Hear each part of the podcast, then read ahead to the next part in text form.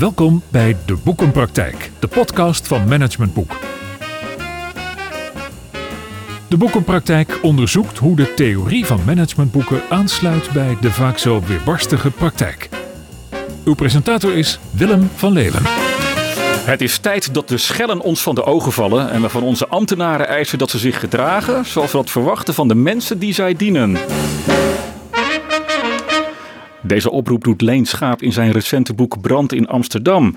Leen werkt nu opnieuw bij de Nationale Politie als commissaris in Den Haag. Maar daarvoor was hij een kleine 3,5 jaar werkzaam als commandant van de Amsterdamse brandweer. En zijn bizarre ervaringen over de cultuur bij deze organisatie deelt Leen met ons in het boek Brand in Amsterdam. En mijn andere gast in deze podcast is Joost Kampen.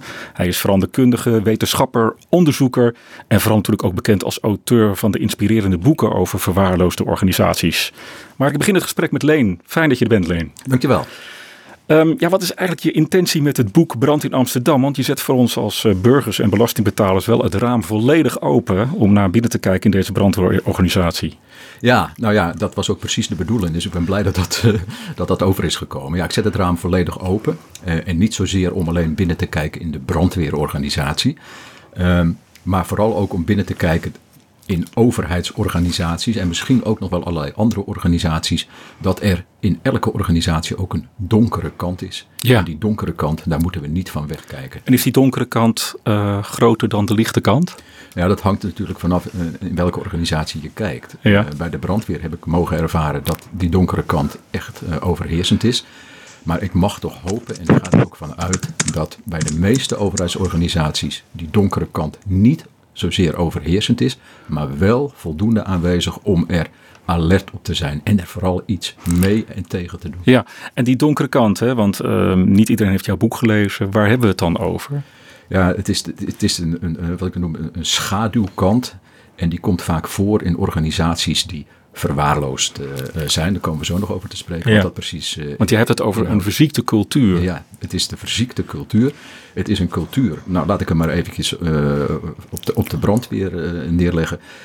waarbij je ziet dat er jarenlang, misschien wel decennia lang, te weinig of geen leiding is gegeven. Waardoor mensen helemaal hun eigen kant op zijn gegaan. Hè? Hm. Dus de, de, de verwaarlozing is er omdat ze geen aandacht hebben gekregen.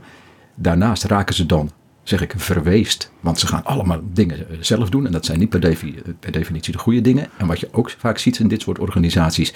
Is dat ze dan ook nog verwend zijn. Omdat als er leiding wordt gegeven. Dat leiding geven is vanuit angst. En geef, geef maar toe. Dus geef eigenlijk het geen gedoe management. En dus, dat leidt tot een, tot een, wat ik noem verziekte, verrotte cultuur.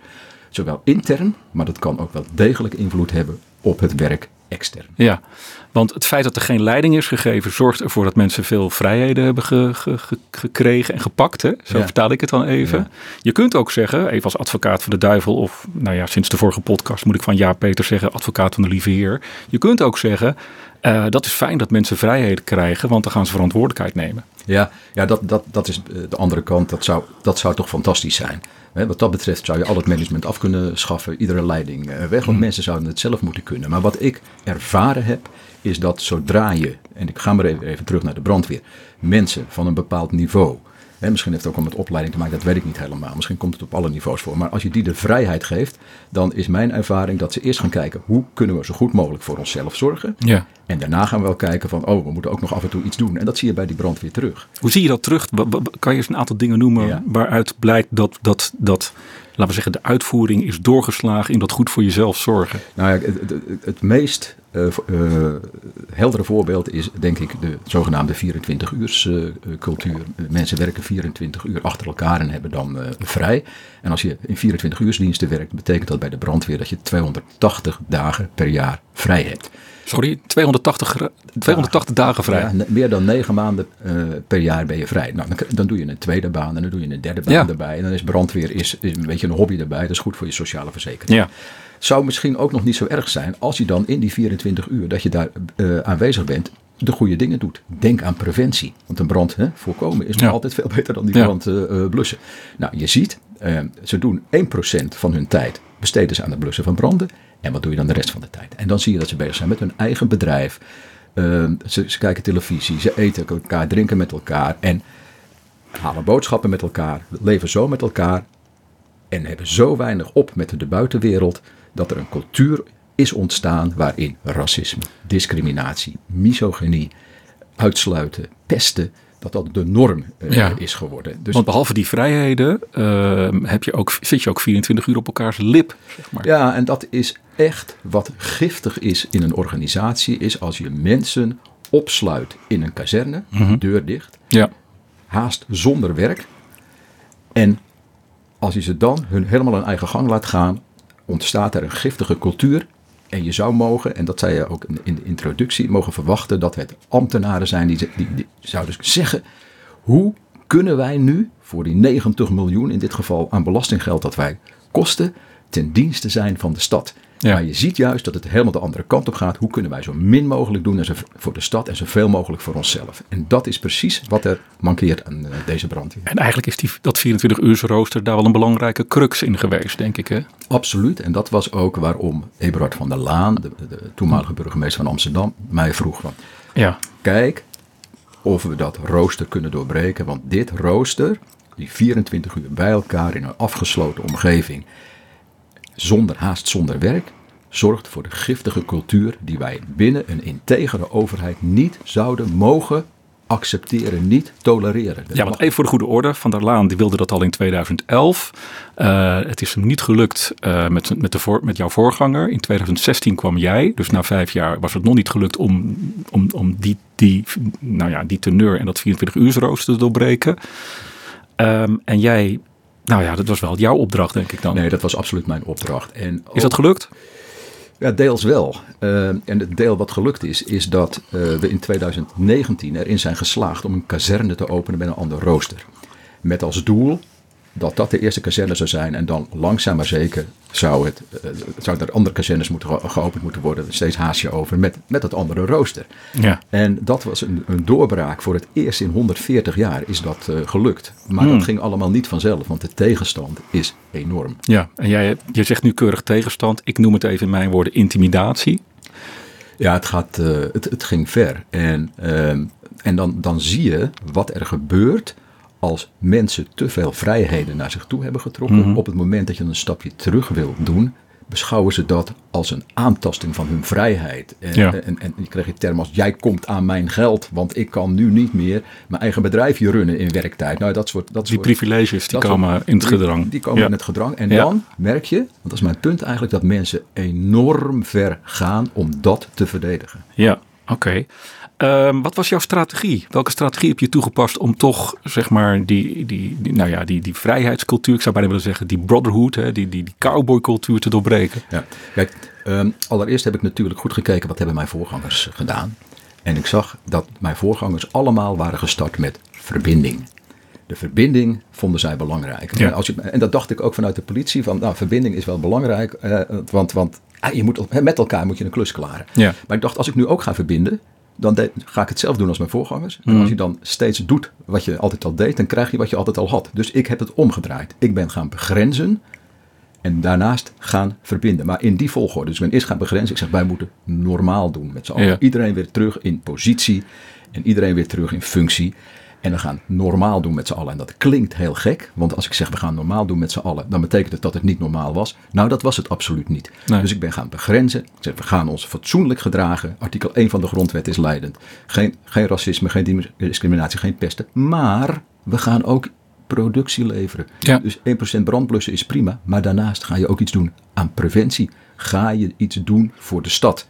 Ja. Nou, en die twee in gezamenlijkheid was fase 1. En het tweede, en dat heb ik heel bewust gedaan, dat is me enorm kwalijk genomen tot op de dag van vandaag door de brandweermannen en waarschijnlijk nu, eh, nu weer, is dat ik bewust heb gekozen om de heldenstatus, de, de, de, de, de mystieke heldenstatus van de brandweer te doorbreken. Hoe? Door naar buiten te treden en te vertellen, brandweerman is een heel nobel vak, maar het zijn geen helden. Want ik dacht, als En ik waarom was dat nodig dan? nou, eh, als je kijkt in elk lijstje van populaire beroepen, dan zie je brandweerman, leger, politie staat hoog in aanzien bij de, bij de Ja. bevolking. En ik dacht, du moment dat ik de brandweer uh, aan ga vallen, want dat, dat moest ik toch een beetje gaan doen. Als ik daar ga mhm. begrenzen, krijg ik natuurlijk tegenstand. Wat ja. ik niet wilde, is dat de Amsterdammer zou zeggen: hij blijft van onze helden af. Oh, dus ik dacht, ik ga die mensen niet zwart maken, maar ik ga de Amsterdammer, de belastingbetaler, hè, ten dienste van wie die brandweer eigenlijk is, wel even uitleggen wat er aan de hand is. Ja. Want dat is wel belangrijk, dat mensen de achtergrond snappen waarom ik dit doe. Dat ik dan niet de kritiek zou krijgen, blijf van onze helden af. Ja. Joost Kampen, uh, auteur van de verwaarloosde organisaties. Um, als je Leen zo deze nou, strategie hoort vertellen, uh, klopt dat dan helemaal zeg maar, met een aanpak zoals jij die voorstaat? Nou, laat ik eerst even een, uh, een herinnering in gedachten roepen. Toen ik kennis nam van wat er bij de brandweer Amsterdam speelt, speelde. Uh, deed mij dat denken uh, aan uh, het GVB, het Amsterdamse Openbaar Voerbedrijf, 20 jaar geleden. Ja. Ik raakte daar rond het jaar 2000 bij betrokken. Ja. En eigenlijk heel veel van het gedrag wat je zag, ziet mm -hmm. bij de brandweer, was daarmee te vergelijken. Mm -hmm. En ja, ook de bevolking die dacht dat de trams en de bussen toch reden, weet je wel. Dus als daar aandacht voor was, dan was dat van, nou ja, de trams en de bussen die rijden nog. Die ja. wilden niet weten hoe die reden. De burger krijgt, de klant krijgt gewoon wat hij wil. Ja, precies, precies. Nou, als je daar wat nauwkeuriger naar kijkt, dan was er toch aan de binnenkant van allerlei dingen aan de hand. Mm Daar zitten die groepsprocessen zitten daar ook in. Uh, het waren daar op de eindpunten eigenlijk heel vergelijkbaar met de kazernes uh, redelijk gesloten cultuurtjes en ja. leefomgevingjes, waarbij ook geruste partners op zaterdagavond een biertje kwamen drinken op het eindpunt van de tram. Hm. Uh, er werd weinig leiding gegeven door de direct leidinggevende, dus ook een parallel met de brandweer. Mag ik vragen, Joost, sorry dat ik even onderbreek, ja. maar wat is daar de reden van dat er zo weinig leiding wordt gegeven dan? Wat, wat, wat maakt dat dat gebeurt? Um, dat heeft deels te maken met de manier van selecteren, dat er niet echt geselecteerd is op leidinggevende kwaliteiten. Mm-hmm. Maar bijvoorbeeld uh, dat er wordt gezegd van nou oké, okay, nu ben ik aan de beurt om leidinggevende te worden. Ja. Dat is met bevelvoerders van de brandweer ook lange tijd zo uh, geweest. Ja, ik ben er nu aan toe. Je bent zoveel jaar in dienst en dan ben je aan de beurt. Zoveel jaar in dienst en dan heb ik er wel recht op. Uh, of andere leuke plekken binnen de organisatie. En dan zeggen je oud-collega's natuurlijk van nou collega, dat is leuk dat je mijn leidinggevende nu bent. Dan kun je mijn belangen tenminste verdedigen oh, bij het hoofdkantoor. Ja. Nou, dat soort Een van ons die, uh, die nu de leiding gaat, uh, gaat nemen, ja. Ja, ja. Dus het heeft, uh, ik spreek dan van de verwaarlozende driehoek. Hm. Uh, het heeft aan de ene kant uh, elementen van ontbrekend leiderschap gehad. Ja. ongewenst gedrag is lange tijd niet begrensd of aangesproken. Ja. Maar er zit ook dus iets in het systeem zelf. En dat is de manier waarop bijvoorbeeld leidinggevenden werden geselecteerd. Ja, dus we houden met elkaar iets in stand, zeg maar. Precies, precies. ja. ja. ja. Oké, ik wil uh, toch even naar die stellingen toe. En ik vind het wel leuk dat Joost al, uh, um, zeg maar, uh, involved is. Dus ik, ik stel voor dat, ik jullie alle twee even die stellingen voorleg. En dat jullie alle twee even reageren met eens on, of oneens. Hier komen ze. Stelling 1. Begin ik even bij jou, Leen. Als de hoogste leiding, lees ook het bestuur, niet echt gecommitteerd is aan een noodzakelijke cultuurverandering, is het trekken aan een doodpaard. Eens. Joost. Eens. Ja. Stelling 2, begin ik bij Joost. Eigen belang gaat bij medewerkers in een organisatie altijd boven het organisatiebelang. In een verwaarloosde organisatie wel. De, ja, maar dat, dat, het maakt dan toch dat het een verwaarloosde organisatie is, of niet? Mm, als je de ruimte krijgt om het eigen belang te laten prevaleren, ja. Oké. Eens. Eens, zegt hij vol ornaat. En de derde stelling, begin ik weer bij jou Leen. Het ontbreekt in dit land bij te veel organisaties aan leiderschap, waardoor er een verwaarlozing van de afsprakencultuur en dus discipline optreedt. Meer dan eens. Meer dan eens. Joost? Eens. Even bij die laatste stelling te beginnen. Hoe, hoe, hoe kan dat toch? Ik bedoel, bibliotheken staan vol met managementboeken over leiderschap.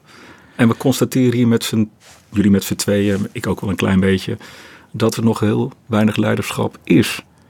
Ja, maar uh, leiderschap is niet alleen weten hè, en, en, en, en, en kennen, maar het is vooral willen En ook dingen kunnen doen. Hè. Ik zeg altijd, beleid moet je doen. En om dingen te doen, moet je ook wat moed hebben. Ja. En dat is denk ik wat ontbreekt. Hè. Het moedig leiderschap. Ik zeg altijd, als het moeilijk wordt, doe je een stap naar voren. En als je een stap naar voren doet, dan krijg je ook ja, tegenstand. Ja. En daar moet je wel tegen kunnen. En je ziet heel veel mensen in het leiderschap wel beheren. Maar zodra er een stap voorwaarts moet worden gedaan, denkt men, ja, weet je, het gaat ook wel goed als ik die stap niet naar voren doet. En ja, in het geval van de brand, ja, ze blussen toch die branden. Dus ik, ik mis het moedig leiderschap en, het, en de concreetheid daarin, in iets daadwerkelijk doen. Beleid moet je doen. Dus eigenlijk overheerst dan toch de angst. De angst om door je omgeving misschien niet meer aardig gevonden te worden. Heel gechargeerd gezegd. Absoluut. En daarvoor zie je dat veel mensen dan terugdeinzen. Uh, en dat, dat kan te maken hebben met selectie. Want uh, uh, vroeger was je één van hen. En nu moet je opeens leiding gaan geven. Nou, dat gaat al niet werken. Mm -hmm. Maar ik merk het ook bij mensen die van buiten komen. En die eigenlijk zouden moeten tonen wat moed is in het leiderschap. Die gaan niet die stap durven maken omdat ze bang zijn voor, nou zeg het maar, voor gedoe. Ik Ja. zeg altijd het geen gedoe management. Dan Ja. heb je het makkelijker. Want als je het aangaat, dan moet je ook kunnen incasseren. En dat is niet voor iedereen Dan weggelegd. kom je eigenlijk ook een beetje op je persoonlijkheid terecht. Hè? Ehm, als ik het even definieer, of zoals jij definieert, Leen, als moedig leiderschap. Waar ik ook zo nieuwsgierig naar ben, is... Wat maakt dat jij deze klus wilde klaren? Wat maakt dat jij, je, ik, ik zeg het wat gechargeerd, hier druk over maakt? Je zou ook kunnen zeggen, nou weet je, het is met te veel gedoe. Ik ga een stapje achteruit eh, aan mijn lijf en mijn omgeving, een privéomgeving, geen polonaise. Nee, en dat zit zo niet in mijn aard. Ehm, Wat zit er dan wel in je aard? Nou, wat er in mijn, in mijn aard zit, is als ik iets zie waarvan ik denk, het deugt niet, dan kan ik daar niet aan voorbij lopen. Dus ik moet er iets aan doen. De consequentie daarvan is dat je tegenstand krijgt. En dan moet het ook in je karakter zitten om niet tegelijk bij de eerste tegenwind om te vallen. Ik zeg altijd, je moet een hoge haattolerantie hebben. Hè, Mensen haten je soms echt als je, iets, als je de goede dingen doet, hoe is het Ja. mogelijk. En je moet een hoge eenzaamheidstolerantie hebben. Want het wordt wel eenzaam als je die strijd voert. En je moet ook vooral rekening houden met je omgeving. Dat Ja. je die wel meekrijgt in het gevecht dat jij aangaat. Je moet samen door dat moeras heen. Ja, En dat moet in je aard zitten. Als het, ik zeg altijd bij twijfel inhalen. En als het moeilijk wordt, een stapje vooruit. En dat zit zo in mijn aard. Hmm. Wat niet deugt, daar ga je niet aan voorbij. Daar ga je iets aan doen. Anders Ja. ben je zelf medeplichtig. Ik zeg zelfs medepleger. Ja, ja, ja. En als je dan kijkt naar dat moedige leiderschap en dat niet wegkijken. ehm, toch even naar jou, Joost. Ehm, ook even als ik kijk naar de casus van de brandweer in Amsterdam. Missen we dan het commitment, het daadwerkelijke commitment en het leiderschap van het bestuur? Nou, eerst even toevoegend. eh, het gaat om je verantwoordelijkheid nemen als Mhm. leider. En ik heb dus in mijn onderzoeken heb ik de parallel eh, getrokken tussen eh, ouderschap, opvoederschap en leiderschap. Mhm. En als je ziet wanneer ouders hun verantwoordelijkheid niet nemen en hun kinderen in feite maar aan hun lot overlaten, of ze alleen maar verwennen en alleen maar toegeeflijk zijn, dan worden het eh, verrekt onzelfstandige kinderen. Ja. En die kinderen worden bovendien nog eens een keertje uitermate slim in het ontlopen van hun eigen verantwoordelijkheid. En Ja. zoeken steeds verder de grenzen. Ja. Nou, die parallel blijkt heel bruikzaam, eh, eh, bruikbaar in organisaties. Ja. En als het eenmaal zover is, eh, dan vechten die kinderen terug natuurlijk. Ja. Die laten zich niet zomaar eh, weer even dat eh gezeggen. Nee. En dat zie je in organisaties dus ook, dat wanneer er begrensd gaat worden, er dus een heftige weerstand achter vandaan komt. Ja. En allerlei ondermijningsacties gepland worden. Ja, en dan even naar het fenomeen verwaarloosde organisatie in relatie natuurlijk tot, tot deze brandweercasus, want dat was natuurlijk per definitie een verwaarloosde organisatie. Als dan het, het hoogste niveau, in dit geval de politiek, het bestuur, zich niet committeert, dan ben je weg, toch? Dan, dan, dan ben je een eenzame klokkenluider volgens mij.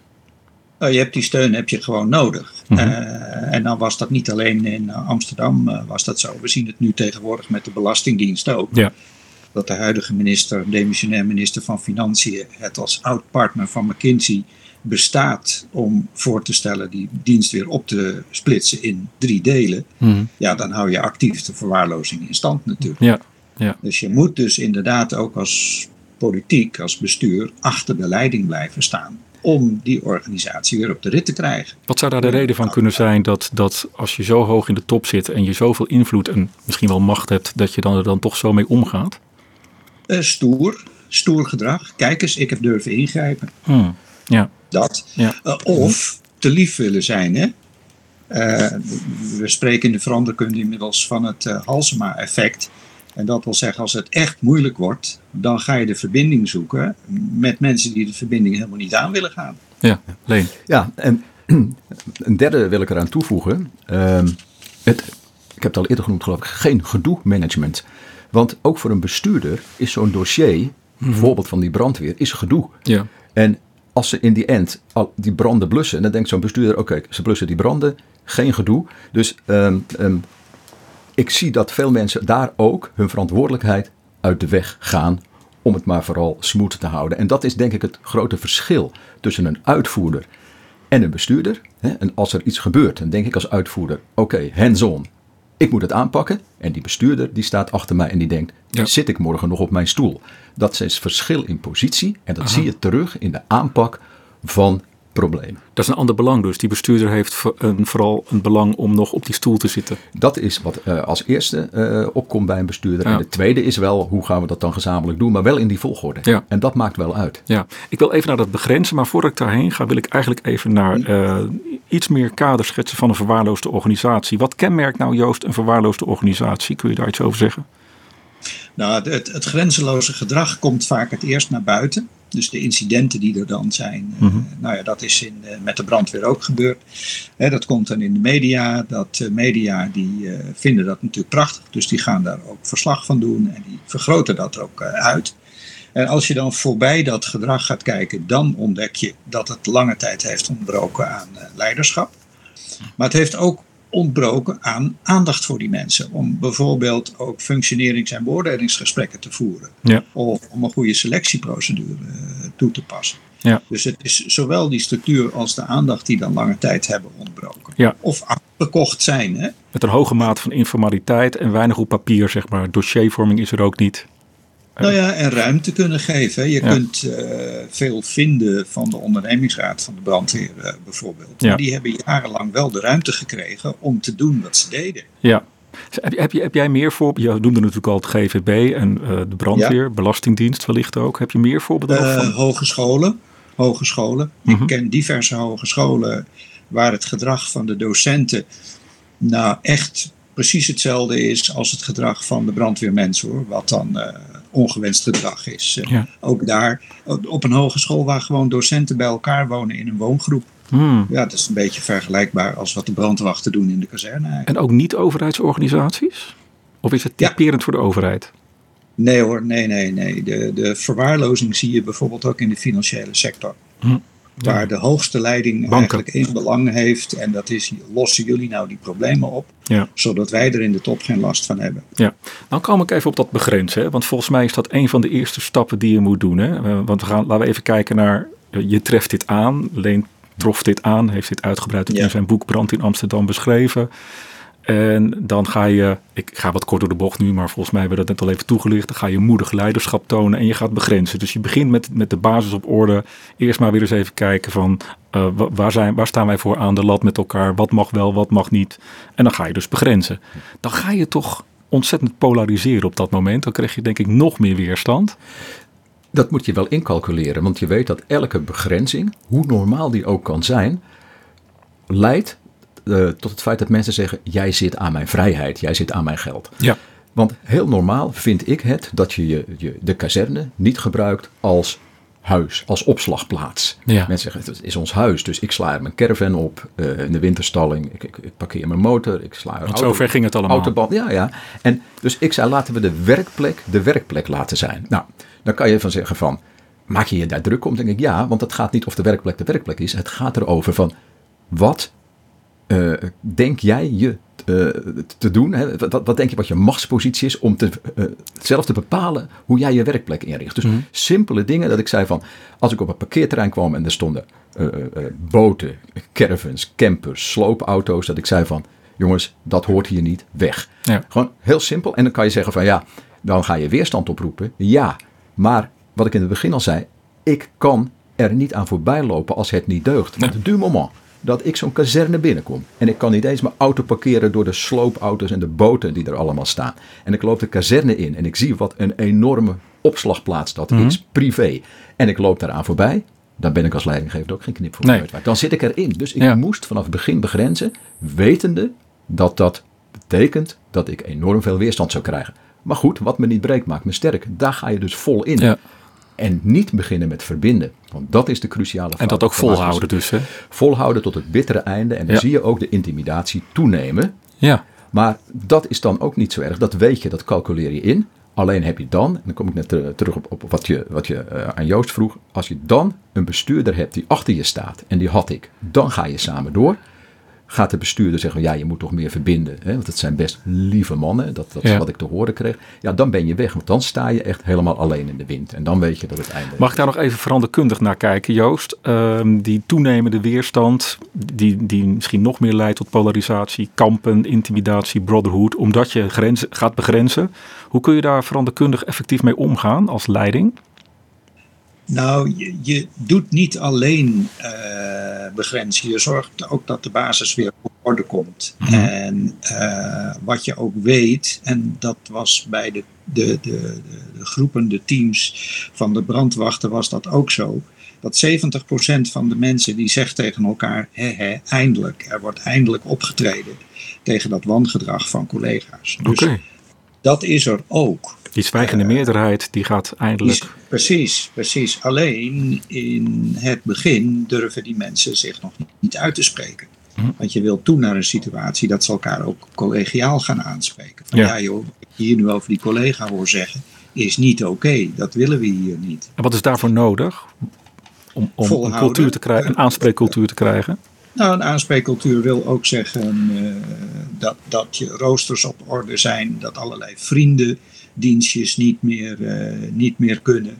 Mhm. Eh, Leen was ook bezig met modernisering. Dus er is ook bij de brandweer echt veel meer te doen Ja. dan alleen de uitdrukdiensten. En daar zit heel mooi werk zit daarin. Ja, ja.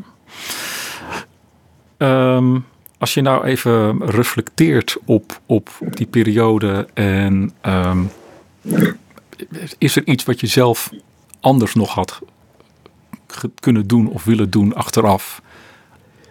Nou, Nee. die vraag wordt mij vaak gesteld. En ehm, ik zou het weer zo doen. En meestal denken mensen dat ik ga zeggen van... Ah, ik had er niet zo met gestrekt been in moeten gaan. En, maar ik startte op het punt dat een burgemeester al vijf jaar bezig was. Ja. En hij zei letterlijk alleen, ik ben vijf jaar belazerd. We gaan nu iets doen. Dus als ik dan had gezegd, nou, we gaan het er nog eens even over hebben met de mannen en nog eens verbinden en rustig aan, was dat niet zo gegaan. Dus ik ben daar vol in gegaan. Ook, en dat is denk ik belangrijk, eh, ik moest sloopwerk verrichten. Ik had echt wel in gedachten om dat nou, een jaar of zes te doen. En daarna zou ik ook weg zijn. Dan zou, het, zou de, de, de oude ellende zou gesloopt zijn. En van daaruit kan er gebouwd worden. En dan moet je ook een ander soort leider neerzetten in het, in het bouwen. Dus dan had ik ook echt wel plaats gemaakt. Dus eh, nee, ik, ik zou niet zo goed weten wat ik anders zou hebben gedaan. eh, want ik moest het gevecht aangaan. En dat zou ik absoluut weer doen, omdat dat volgens mij de enige manier is om een begin te maken van het doorbreken van een zieke, zieke cultuur. Ja. Klinkt wel behoorlijk, oor- behoorlijke oorlogstaal zit daar bijna in. Hè? Slopen en het gevecht aangaan. Ja, maar, maar dat is ook daadwerkelijk zo. En waarbij ik ook wil zeggen, kijk, oorlog is niet altijd slecht. nee, nee. Oorlog kan ook tot, uit, eh, aan het eind tot een goede vrede eh, leiden. Maar ik wil je- even naar een andere kant, hè, toch? Eh, dat snap ik. Maar ik wil even naar die meerderheid, die 70% meerderheid die dan uiteindelijk wakker wordt. Een hele suggestieve vraag dit hoor. Maar is het ook niet zinvol om in zo'n situatie, het woord verbinden gaan we hem dan maar niet noemen, maar eh, toch ook nieuwsgierig te zijn naar waarom doen mensen dit? In gesprek te gaan met mensen, spiegels voor te houden. Niet vanuit oordeel, maar vanuit nieuwsgierigheid. Je zit te lachen, Leen. Ja. Dit is nou echt een externe adviseur die een mooi praatje verkoopt. Of niet? Nou ja, kijk, ik, ik ben natuurlijk niet gelijk in het begin gewoon Nee hoor, vechtend daar- naar binnen gegaan. Vraag je ook de direct leidinggevende zelf om alert te zijn op wat gebeurt er in jouw ploeg, wat gebeurt er in jouw team en daar het gesprek over aan te gaan. Ja. Jawel, maar, En maar die direct leidinggevende, die ik moest aanspreken waren afkomstig uit die ploeg. Dus die waren één met die ploeg. Dus het was heel moeilijk. Kijk, ik ben natuurlijk niet naar binnen gegaan alleen maar oorlog maken. Ik heb honderden gesprekken gevoerd. Van jongens, kijk, dit is er aan de hand. En hoe gaan we om met diversiteit? Maar het is ook een organisatie waarin ik terecht kwam die absoluut niet de wil had om ook maar één centimeter toe te geven in geen enkel gesprek. Ik, ik, het voorbeeld dat me nog altijd te binnen schiet is dat ik uitputtend met mensen heb gesproken over toename van diversiteit. Want ik heb echt de overtuiging dat een organisatie beter maakt. En er was één ploeg, daar was ik mee in gesprek, wat twee uur lang. En ik dacht, nou, jemig, het leek, het leek, en we werden het niet helemaal eens. Maar ik dacht, nou ja, er is in ieder geval begrip. Mhm. En ik ging weg en toen zei er eentje, ja, volgens mij, als ik het samenvat, jij wil gewoon even honderd wijven naar binnen trappen. Hè? Ja, ik, en nou ja, weet je, en dat zijn dan de samenvattingen die je terugkrijgt. Dus heel veel gepraat, heel veel die, die, die zwijgende meerderheid proberen mee te krijgen. Maar het was zinloos, omdat met name bij die brandweer men alles relateert aan arbeidsvoorwaarden en geld. Ja, Dus je zit aan hun... de meeste mensen zeiden van natuurlijk discrimineren en zo, dat mag allemaal niet. Maar du moment dat je begint aan roosters, kom je aan mijn geld, kom je aan mijn tweede baan. En Ja. dan was 100% tegen. Ja. En dat maakt het wel heel Ja. Stel nou Joost dat jij morgen als, eh, als veranderkundige, als externe het stokje over zou nemen van, eh, van Leen in deze brandweerorganisatie. Zijn er, zijn er zaken van je zegt, ook vanuit de, de, de wetenschappelijk onderbouwde theorie van verwaarloosde organisaties, dit zou ik nu gaan doen, deze interventies? Nou, je moet aan de voorkant een van de dingen die eh, dan nu gecontracteerd zou moeten worden, is dat het bestuur achter de opdracht staat van de gezondmaking. Ja. Dat moet je echt contracteren. Ja, dus Halsema, ehm, daar zou je wel eh, echt een, een, een, een contractering mee moeten hebben. Ja, ja, ja. Of welke commandant daar dan ook als opvolger eh, mee aan de gang eh, zou gaan. Ja. Die contractering heb je nodig. Dat is niet het enige. Mhm. Je hebt ook nodig dat er voldoende financiën zijn om weer te investeren in die organisatie. En het geld niet weg te geven in heel onvoordelige roosters bijvoorbeeld. Ja. En een van de andere eisen die je ook kunt stellen is van de OR en de vakbonden hebben hier niets mee te maken. Die gaan terug in hun eigen rol, die mogen medezeggenschap hebben, zoals de wet op de ondernemingsraden ook luidt. Ja. Maar bij de brandweer, en dat komt in meer organisaties eh, voor, daar is de OR in feite de baas. Ja. Dat, dat, eh, dat kun je natuurlijk niet, eh, Ja. niet tolereren, want dan ben je ook weg inderdaad. Ja. Mag ik toch even reageren Ja, op, de, tuurlijk. op de contractering? Ja. Ik, ik snap het, hè? Ik snap Mhm. het ook, maar dat vind ik toch wel iets van eh, wetenschappers en organisatieadviseurs. Want natuurlijk zet Halsema haar handtekening onder contractering van het moet beter en het moet modern en het moet mooier. Prima. Ja. Alleen du moment dat zij zegt, ja, maar niet op deze manier, ben je, ben je toch weg. Dus, dus, want natuurlijk wil, wil iedere bestuurder wil een goede, gezonde brandweer. Dus Maar volgens mij bedoelt Joost met contractering niet alleen maar een handtekening. Volgens mij bedoel je ook, als ik even voor jou mag denken, dat, dat iemand daadwerkelijk zijn verantwoordelijkheid gaat pakken. ja, maar dat, Ja. iedere bestuurder vindt dat hij dat ook doet. Ja, ja, ja. ja. Maar ieder, ieder op zijn eigen manier. Ja. En, en, en dus, dus, ehm, dus die, maar die, je moet iemand hebben die intrinsiek betrokken is. En eigenlijk zou je moeten afspreken. En dat vind ik wel heel moeilijk voor eh, bestuurders. Wij maken samen dit traject af. Hm. Want een bestuurder kan morgen in de Tweede Kamer zitten. Of overmorgen een andere functie aanvaarden. Dus je moet eigenlijk in, in, de, in die contractering zeggen. Met z'n tweeën maken wij de komende vijf jaar deze klus af. Ja. Geen van beiden gaat weg. Dan zou het helpen. ja. Je zit nu eh, weer bij de politie. Je had ook eh, volgens mij de afspraak gemaakt dat je terug kon komen bij de politie. Ja, ja Ehm, nee, want ik ben eh, en blijf een politieman. En ehm, ik wilde ook maar tijdelijk, want het was echt de bedoeling tijdelijk, even Ja. het puinruimen bij de brandweer. En dan weer gewoon terug naar de politie. Want Ja. ik ben geen brandweerman. Nee. Gelukkig niet, anders had ik deze klus ook niet, eh niet Maar bij de politie is ook best het een en ander aan de hand, eh, volg ik zo via de media. Nou absoluut. Een organisatie eh, met 65.000 mensen, die 24 uur per dag, 7 dagen per week midden in die maatschappij staat. Ja, er is inderdaad wat aan de hand, maar het is niet vergelijkbaar Nee. met wat er bij die brandweer aan de hand is. Maar hanteer jij nu een andere stijl? Of kan ik je daar iets over zeggen? Merk je nu dat, dat je daar anders mee omgaat? Of, of, of... Nou, kijk, ik werk bijna, durf het haast niet te zeggen, bijna 40 jaar inmiddels bij die politie. En niemand overleeft het door 40 jaar oorlog te maken, de beuk erin te gooien, Hmm. gestrekt been. Bij de politie is dat ook niet nodig. Dus daar zit En dan komt toch weer het woord wel, wel de verbinding. Hè. Je gunt elkaar wat, hiërarchie uh, is er als het, als het nodig is.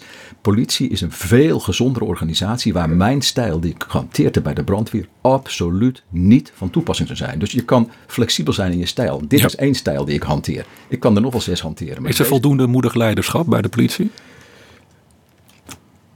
We zijn er naar op weg zei hij heel voorzichtig. Ik, moet, ik wil wel even mijn waardering voor je uitspreken, Leen.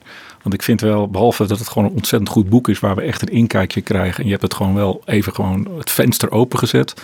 Vind ik de manier waarop jij uh, hier gewoon in bent gegaan en die verantwoordelijkheid hebt genomen, dat vind ik, dat vind ik uh, getuige van leiderschap zoals het zou moeten. Dus dat, daar wil ik even compliment gewoon toch voor geven.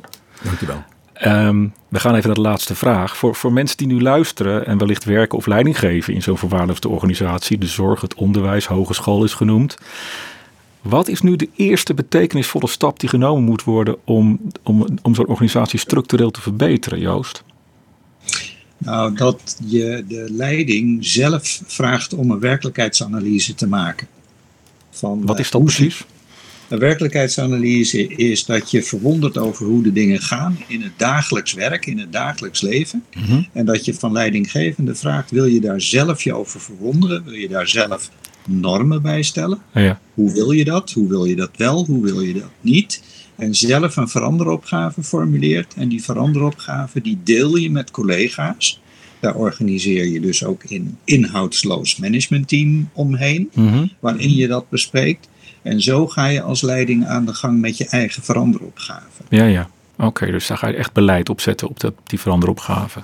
Nou, dat, dat beleid dat formuleren de leidinggevende zelf onder leiding van, hè? Ja. van uh, ja. de kazernecommandant of de commandant. Uh, van de, ja. Maar laten we eerst kijken, wat is nou normaal?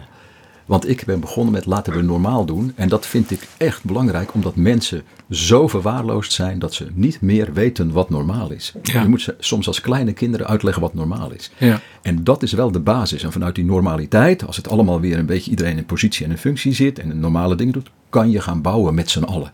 Maar hmm. eerst die basis op orde. En dat is nog ver weg bij sommige organisaties. De basis op orde. Als er morgen een burgemeester of, of Joost Kampen jou belt met de vraag om leiding te gaan geven aan een verwaarloosde organisatie, doe je het dan weer alleen? Zonder meer. Oké, ik wil jullie bedanken. Joost Kampen en uh, Leen Schaap. Enorm bedankt voor jullie inspirerende deelname en inbreng aan onze podcast. Want we hebben weer meer geleerd uh, over het fenomeen verwaarloosde organisatie, de praktijk daarin van alle dag. En ook hoe je daar toch succesvol in kunt interveneren. Ik verwijs jou als luisteraar van deze podcast heel graag naar de volgende aflevering, die over twee weken weer op alle grote podcastkanalen te vinden zal zijn. Ook daarin spreken we weer met een auteur over zijn of haar opmerkelijk recent verschenen managementboek. En plotten we de strekking van dit boek op een actuele casus uit de praktijk. Rest mij je hartelijk te danken voor het beluisteren van deze podcast.